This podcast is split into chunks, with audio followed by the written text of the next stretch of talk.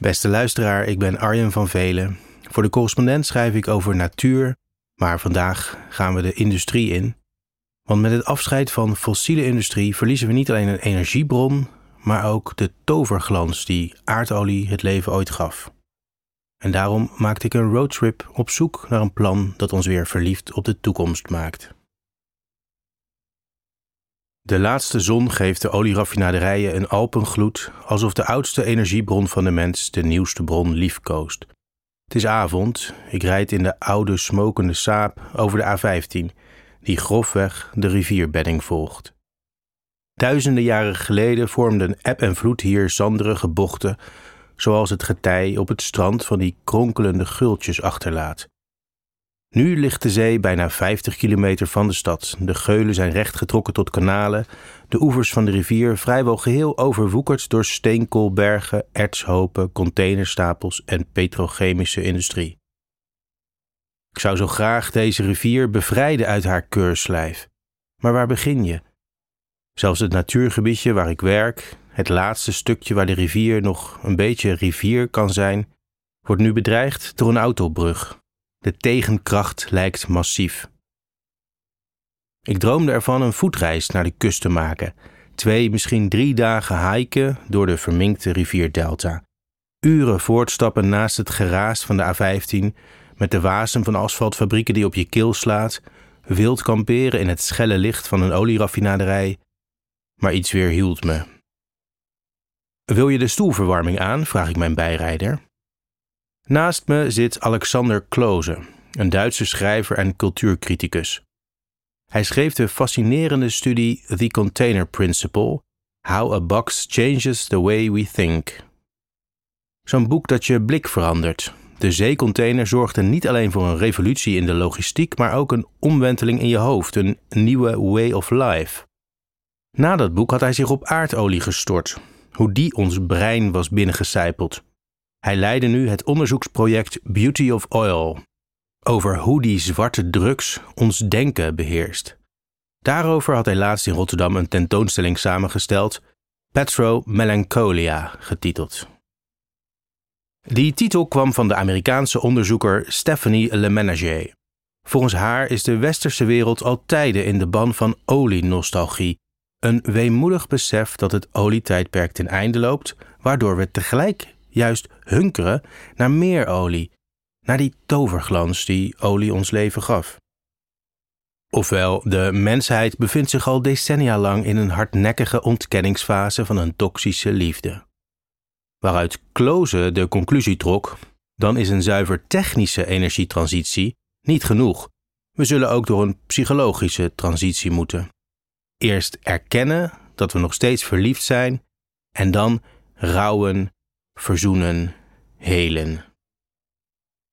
Toen hij in Rotterdam was, had ik hem uitgenodigd voor een roadtrip door het olielandschap van Rotterdam. Van de stad naar de zee, langs vijf raffinaderijen en 45 chemische bedrijven, tot aan het puntje van de Maasvlakte, naar de Maasvlakte Olieterminal.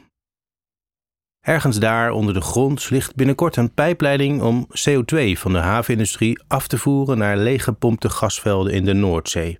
Gif in de grond stoppen. Noodzakelijk om de klimaatdeadlines te halen, zegt men, maar evengoed een project om onze fossiele liefde nog wat te rekken. Kloose droeg oranje nagellak. Dezelfde kleur als de oranje plastic doeken die in zijn tentoonstelling hingen met erop witte teksten. In bed with petroleum. In the air. On the road. On the plate. All over and inside bodies. It's a love affair. It's a love of life, profoundly influencing how people live, move, eat, dress, love, experience, aspire and believe. Meteen bij binnenkomst in de tentoonstellingshal had je grote witte banners met zwart-wit tekeningen van producten die van aardolie zijn gemaakt. Van condooms tot religieuze kaarsen, van luiers tot aan tandenborstels. Het waren net witte grafstenen voor alles wat we achter moeten laten.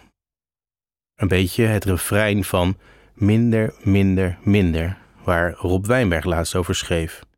Inderdaad, geen toekomst om verliefd op te worden. Er waren schitterende wandtapijten te zien met mijnbouwscènes uit het destructieve Anthropoceen. Een minuscuul olievaatje, waarvan de prijs live gekoppeld was aan de echte olieprijs. Er was een ontmanteling van het Shell-logo, een video van een vrouw met een plastic zak over het hoofd die al inademend aan het stikken was. Maar het langst was ik stil blijven staan bij een verstilde documentaire over jonge mannen in de oliestaat Qatar, getiteld The Challenge van Yuri Ankarani. Daarin zag je de steenrijke zonen van sheiks in traditionele gewaden. Ze beoefenden de traditionele valkenjacht en ze reden door de woestijn rond in luxe terreinwagens, in een zwarte Lamborghini en op een goudglimmende Harley. Hypnotiserende beelden, zonder commentaarstem. Alleen die woestijn en die rijkdom. Je zag een valkenier in zijn privévliegtuig. Op de plaats van de stoelen zaten stokken, waar valken op zaten, onrustig de kop heen en weer bewegend. Een man in een Lamborghini met op de bijrijdersstoel een cheetah met een rode halsband. Deze film gaat over ons, zei Kloose later.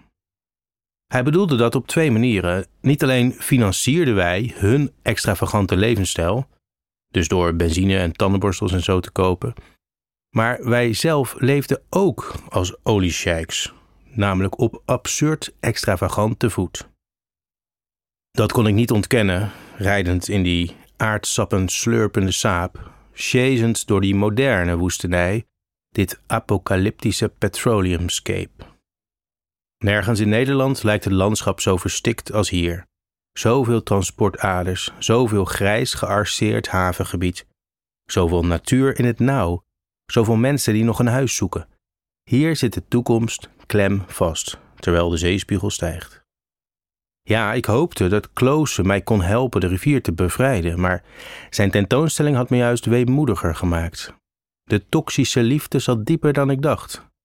Omdat olie ons niet alleen luiers, condooms en benzine had geschonken, maar vooral levenslust. De energie van het nieuwe, die mijn opa nog gekend moet hebben. Hij stond in Rotterdam op de markt, verkocht er bruine papieren zakken voor groentehandelaren. Eind jaren 50 verschenen er plastic zakjes, goedkoper, fraaier, kleurrijker. En als bewijs voor de kracht van het magische materiaal hing hij met water gevulde zakjes aan zijn kraampje op. These are the days of miracle and wonder, zou Paul Simon laten zingen. Mijn overbuurman, een emeritus professor antropologie, toonde me eens zijn privécollectie van duizenden plastic tasjes verzameld in de loop van decennia Vrolijke en schitterende tasjes van supermarkten, parfumerieën en musea. Zijn aardolietasjes zeiden: Wat een vreugde om te consumeren. What a time to be alive. Of denk aan het optimisme van de plastic heliumballonnen die je opliet met een kaartje met naam en adres. De wereldwijde afspraak: wie zo'n ballon vond, stuurde een kaartje terug. Die heliumballonnen zijn nu taboe en de vraag is: zouden mensen tegenwoordig nog op eigen kosten zo'n kaartje op de bus doen is die alomtegenwoordige ballonverbondenheid niet ook verdwenen, tegelijk met dat optimisme. Aan de oevers van de rivier, precies waar we nu rijden, stemden mensen massaal op klimaatontkenners. Bijna nergens is de PVV zo populair als in Vlaardingen, Pernis, Pijkenisse. Bijna nergens lijken mensen die hele transitie zo stompzinnig te vinden als de mensen die wonen in de rook en de zwavel van een van de grootste petrochemische clusters ter wereld, pal naast die hoge zee. Dus dat stemde me melancholisch. We verloren niet alleen een energiebron, maar we verloren glans. En wat we zoeken is dus niet alleen een alternatief, een zonnepaneel of een windmolen, maar een plan dat ons weer toekomstverliefd maakt. Papieren rietjes helpen niet. Die verpulpen in je mond tot een vies papje, doen je niet hunkeren naar de olieloze toekomst. En just stop oil roepen, dat was te kortzichtig. Want zelfs als je dan ook stopte met die van olie gemaakte tandenborstel enzovoorts, waar hervond je dan die schittering? We rijden langs Pernis, het dorpje omsingeld door industrie. De kerstboom, zo noemt men hier de Shell-raffinaderij liefkozend. Er waren rond kerst jarenlang zelfs lichtjeswandelingen langs de industrie. Daar zat alles in, die toxische liefde, de warme gloed die dat gif ons gaf. We stoppen bij een restaurant in de haven, Brasserie de Rotterdammer, aan de Botlekweg. Eten rookworst met zuurkool, met uitzicht op de derde petroleumhaven. Het Petroscape oogt hier als een bergketen, massief, eeuwig, ongenaakbaar. Dus ja, waar te beginnen? Hoe graaf je een Alp af? Honderd jaar terug was dit nog riviernatuur. Inmiddels bestaat 60% van het havenoppervlak uit fossiele industrie. Maar toch, zelfs de raffinaderijen hier weifelden of ze zouden blijven, of er nog brood is straks. Dit landschap zal onherroepelijk veranderen als je bedenkt dat de ontwikkeling van zonnepanelen en windmolens sneller gaat dan zelfs de grootste techno-optimist durfde te dromen, zoals Jesse Frederik onlangs schreef, dan heb je hier, voor je het weet, een Rotterdamse rustbelt van verroeste en afgedankte olietorens. Je hoeft niet eens een hippie te zijn om al haarscheurtjes te zien. Eerder dit jaar had ik zijdelings meegewerkt aan een project van emeritus professor Urban Design Han Meijer. Hij had een plan uitgedokterd om de rivier te bevrijden uit haar keurslijf. Kort gezegd, hij stelde voor om te stoppen met het alsmaar blijven uitbaggeren van de nieuwe waterweg, die scheepsnelweg van Rotterdam naar zee. De kaarsrechte kades zouden daar verdwijnen. Het zou een waterloop worden met glooiende, zanderige oevers. Stormvloeden zouden dan minder ver het land kunnen binnenstromen. En zeeschepen die zouden via een slimme doorsteek achterlangs, via een oude rivierloop, omgeleid kunnen worden naar de Botlekhavens. Het plan zou grote haventerreinen vrijspelen. Die corridor van 50 kilometer industrie zou plaats bieden aan groene woonwijken langs het water, kleinschalige industrie, waar je dus wel naast kon wonen, anders dan naast een raffinaderij, en plek voor nieuwe energie. Meer dan een technische ingreep leek het me een ideologische doorsteek. Niet langer vechten tegen het water, maar met de natuur meewerken. Meijer had het plan Twee Stromenland gedoopt. Een verwijzing naar twee Rotterdamse rivieren, maar ook naar het Twee Stromenland tussen de Eufraat en de Tigris, waar volgens de heilige boeken het paradijs was gesitueerd. En paradijselijk zag deze delta er zeker uit, al was het maar op de animatievideo. Een aardsparadijs, technisch doortimmerd en aanlokkelijk voor vrijwel iedereen. Precies omdat dit plan niet op minder minder was gebaseerd, maar juist op meer.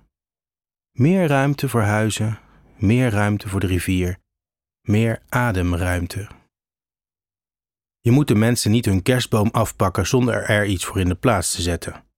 En dit plan zou juist iets te bieden hebben voor de bewoners die hier aan de oever leefden, in Schiedam, Vlaardingen, Spijkenisse. Namelijk huizen in het groen, aan het water. En iedereen, links of rechts, of wat dan ook, hield wel van rivieren. Het plan had mij diezelfde opwinding gegeven die men in de jaren 50 moet hebben gevoeld toen de eerste plastic tasjes kwamen. Toekomsttwinkelingen. Ik kijk uit het raam van de brasserie.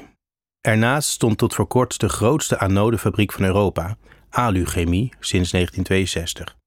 Hier bakte men koolstofanodes uit petroleumkooks, een essentieel onderdeel voor de aluminiumproductie. Ik was er tig keer gedachteloos langs gereden, maar nu ik kijk, is hij weg. De reusachtige fabriek blijkt inmiddels ontmanteld. Terwijl we onze worsten eten, worden de laatste restanten afgevoerd. Hier komt een energieterminal voor groene energie, lees ik op mijn telefoon. Zo ongenaakbaar als dit staal leek, zo plotseling is het voetzie. Is het dan een heel naïeve gedachte dat ook de rest van die petrochemische woestijn eerdaags een paradijs zal zijn? Nu al zin om daar een voetreis te maken. Dit verhaal heb je gratis kunnen luisteren, net als honderden andere audioverhalen van het afgelopen jaar. Maar het maken van dit soort verhalen is niet gratis. Ze worden mogelijk gemaakt door onze betalende leden. Ga daarom naar decorrespondent.nl en word lid. Want onafhankelijke journalistiek is afhankelijk van jou.